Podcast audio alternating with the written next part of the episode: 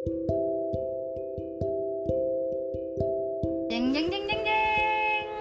Kembali lagi bersama kami di Sudah Ngoceh Ya, kali ini kami akan membahas tentang Hogeng hogeng. Apa itu hogeng? Hogeng itu adalah bahasa lokalnya Jepang Ya, betul, bahasa lokal. Bahasa lokal contohnya seperti apa tuh? Seperti apa ya? Eh, nih, contoh gampangnya aja ya.